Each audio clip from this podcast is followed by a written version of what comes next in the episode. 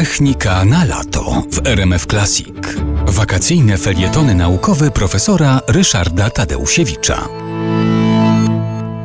Wawel wszyscy znają i wszyscy go oczywiście oglądają. Natomiast mało kto wie, że w, na przełomie XIX i XX wieku przy bulwarze poleskim, e, to znaczy naprzeciwko de facto Wawelu, e, istniała sztuczna wyspa.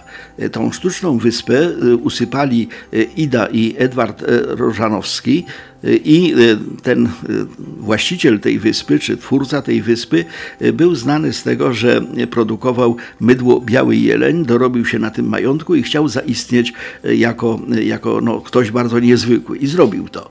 Dlatego, że naprzeciwko Wawelu, właśnie na owej sztucznej wyspie, wybudowana została ogromna neogotycka willa, trzykondygnacyjna po stronie wschodniej, z bardzo wysoką wieżą od wschodu, która korespondowała z basztą sandomierską Wawelu poprzez tylko nurt rzeki, dwukondygnacyjna od zachodu. Była to no, willa zupełnie niezwykła.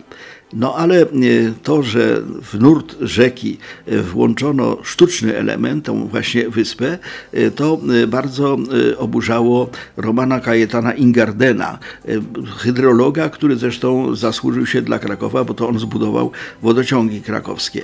I okazało się, że ta wyspa może przeszkadzać i przeszkadzała przepływowi wody. Ingarden powiedział, że to będzie powodowało powodzie i rzeczywiście w 1903 roku roku, a potem w 1925 roku y, spiętrzenie wody przez ową sztuczną wyspę spowodowało zalanie burwarów wiślanych i duże szkody na dębnikach. Natomiast y, sprawa się rozwiązała.